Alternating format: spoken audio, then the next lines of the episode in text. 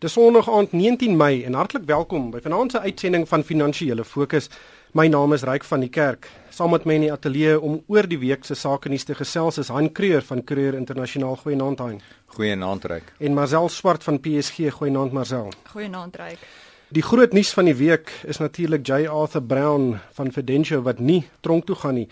Dit volg natuurlik nadat die hof hom vroeër op twee klagte van bedrog skuldig bevind het. Ons gaan ook gesels oor die probleme in die platinumbedryf en oor die moontlikheid van 'n rentekoersverlaging. Maar kom ons begin hein by Fidentia, die Wes-Kaapse Hooggeregshof hierdie week vir J.A. Verbrown met 150 000 rand beboet en hy het ook 'n opgeskorte vonnis van 18 maande gekry. Hein die twee klagte waarop hy wel skuldig bevind is, uh, het hy op skuld beken. So hierdie hele saak het 6 jaar lank geduur en dit is sy uiteinde. Wat wat dink jy daarvan? Wel uh, net so geskok soos wat die res van uh Suid-Afrika en die bevolking en veral uh, uh ons uh, almal van ons in die in die finansiële dienste bedryf wat insluit die FSB ewe geskok. Uh maar ryk ek dink 'n mens moet ook na die regskant van hierdie hele storie kyk. Uh, wat is die wat het gebeur aan die regskant want ek, ek as ek die uh, as ek die uh, berigte lees en luister na die kommentaar by radio, dan vind ek daar's 'n paar goed wat gemis word. Nou die eerste ding wat baie belangrik is om om uh, na te kyk is die feit dat die regter uh die staat uh, se saak ernstig die wyse hoe die staat die saak uh, benader het en gehanteer het het hy ernstig bevraagteken en gekritiseer.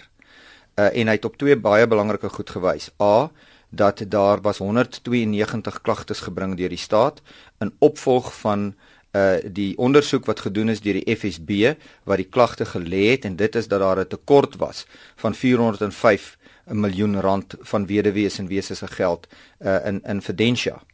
Maar dan moet ons onthou aan die begin omtrent 7 jaar gelede is die uh is die uh hoof finansiële beampte van die FSB, ag van van Fidentia het hy 'n 'n pleitsooreenkoms gesluit met die staat om uh, uh om uh, uh om om as 'n uh, 'n staatsgetuie te draai en teen J Arthur Brown te getuig en in die in die uh die pleitsooreenkoms was dat hy sal 7 jaar uh tronkstraf kry.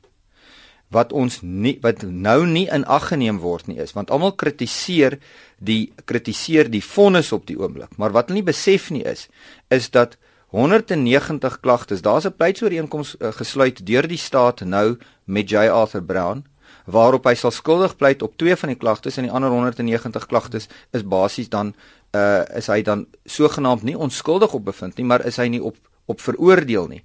Met ander woorde, die regter se hande was gebind geweest en hy kon slegs 'n uitspraak maak en 'n vonnis lewer in terme van twee afgewaterde aanklagtes uit daai 192 waarop hy vir J Arthur Brown nie 'n groter vonnis kon oplê nie en hy het dit baie duidelik hmm. gestel dat hy hom nie 'n groter vonnis kon oplê op daardie twee klagtes nie.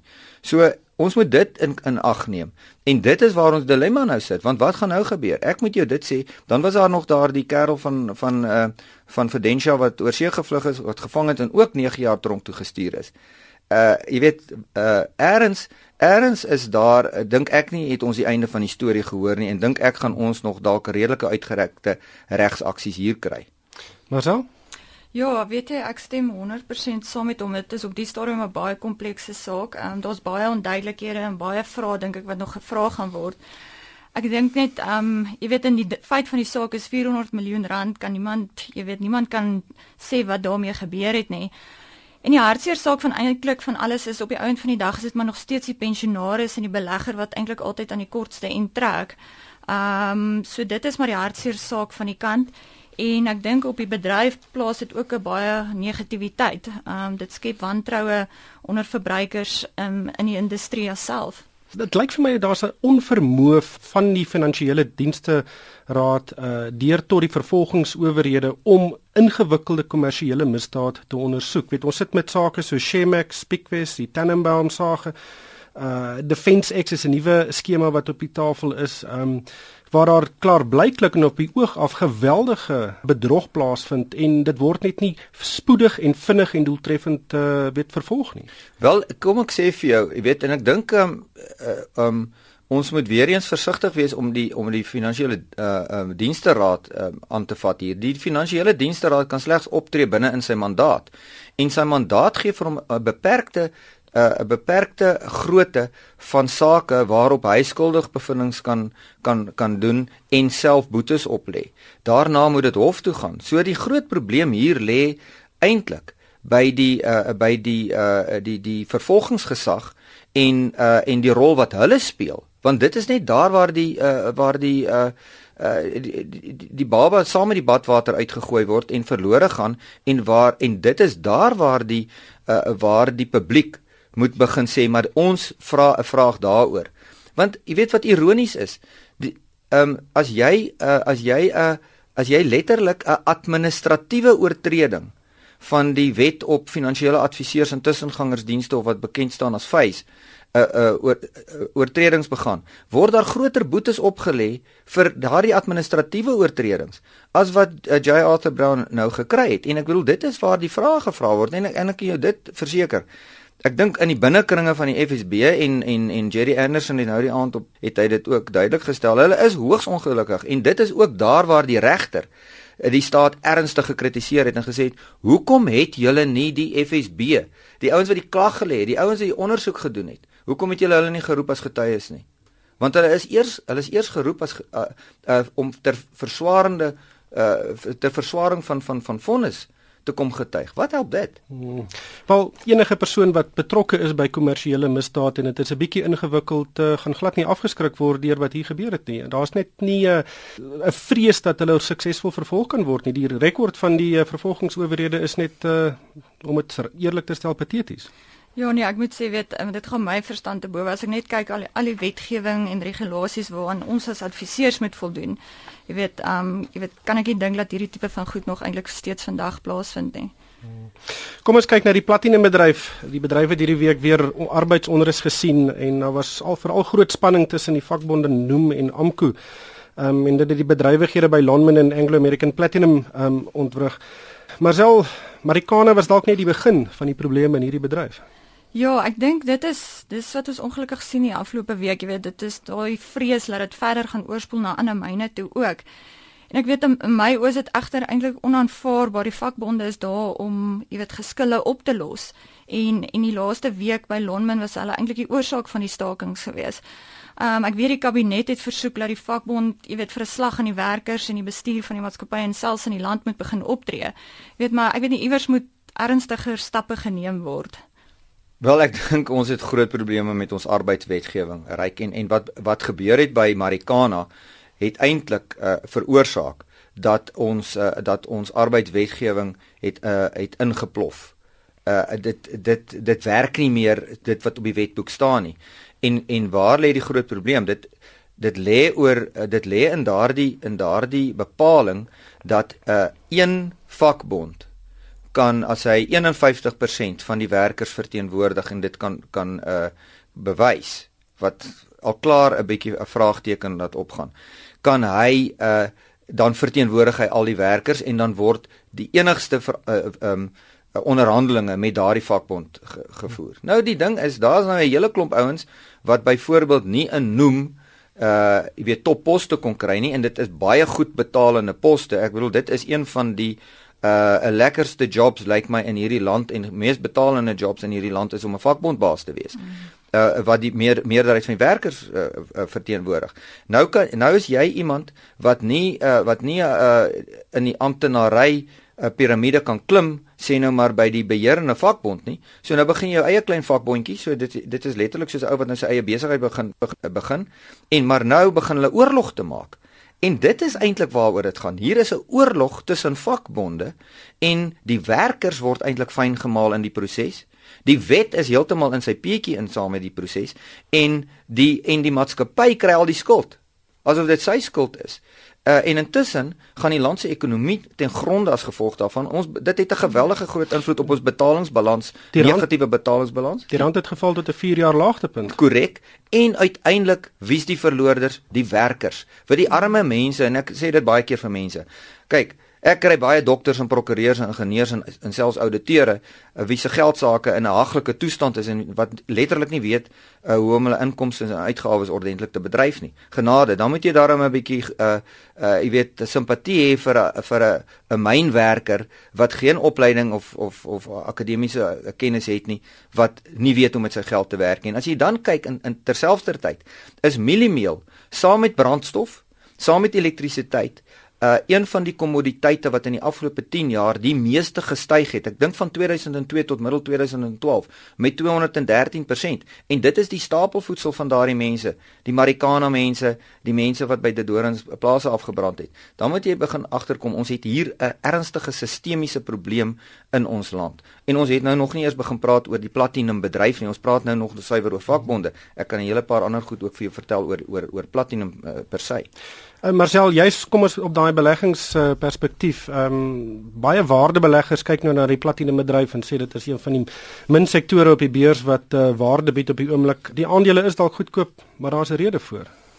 Ja nee, jy's heeltemal reg. Jy weet, ek dink ons het die laaste week was daar absoluut half paniekverkope op die mark gewees. Ek dink in die laaste week het Impala Platinum en Anglo American Platinum het hulle jy weet teruggeval na 2009 vlakke is omtrent 17% in 'n week. So jy weet lanklaas wat ons hierdie vreeslike wisselvalligheid gesien het.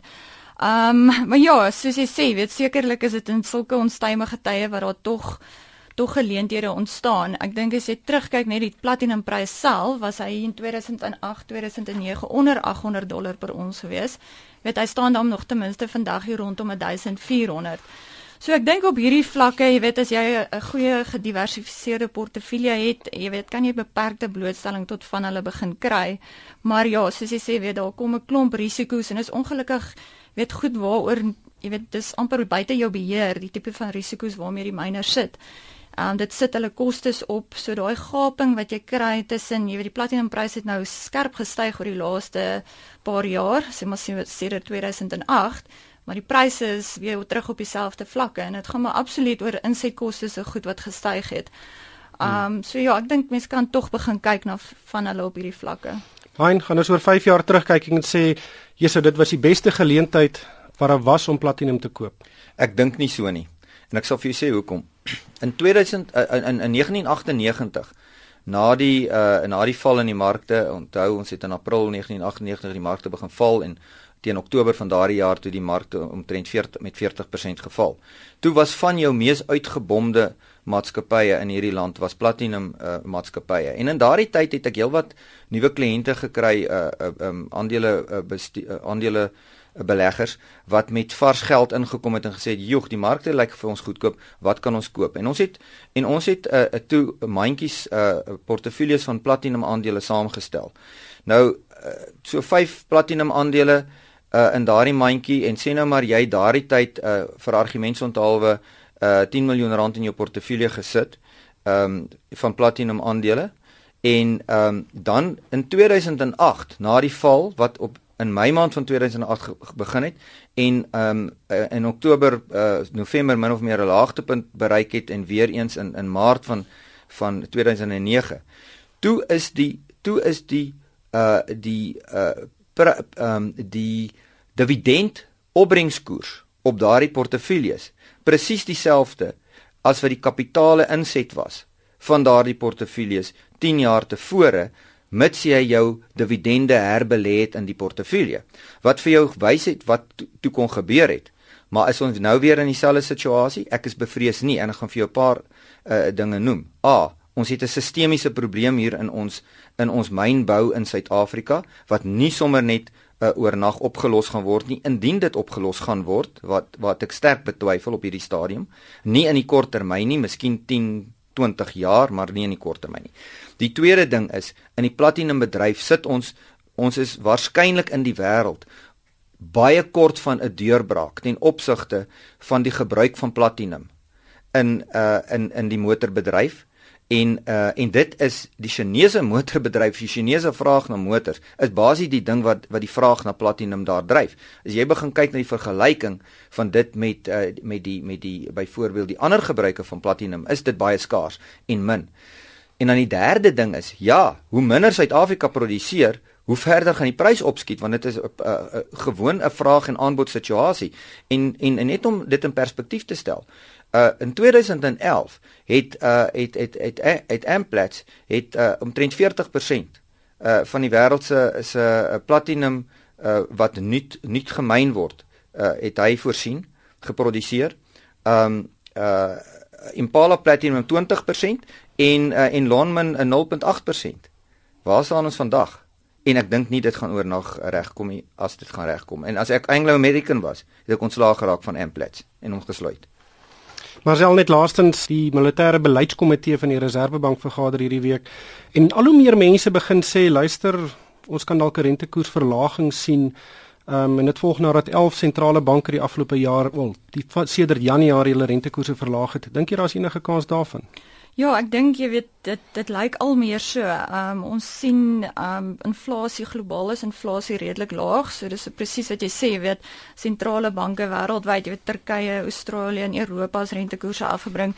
So dis definitief 'n ding wat mense sien en ek dink plaaslik sit ons met 'n paar swak ekonomiese syfers wat ook daartoe lei um spesifiek in die mynboubedryf, ons weet produksie wat daar swaar trek in die vervaardigingssektor ook.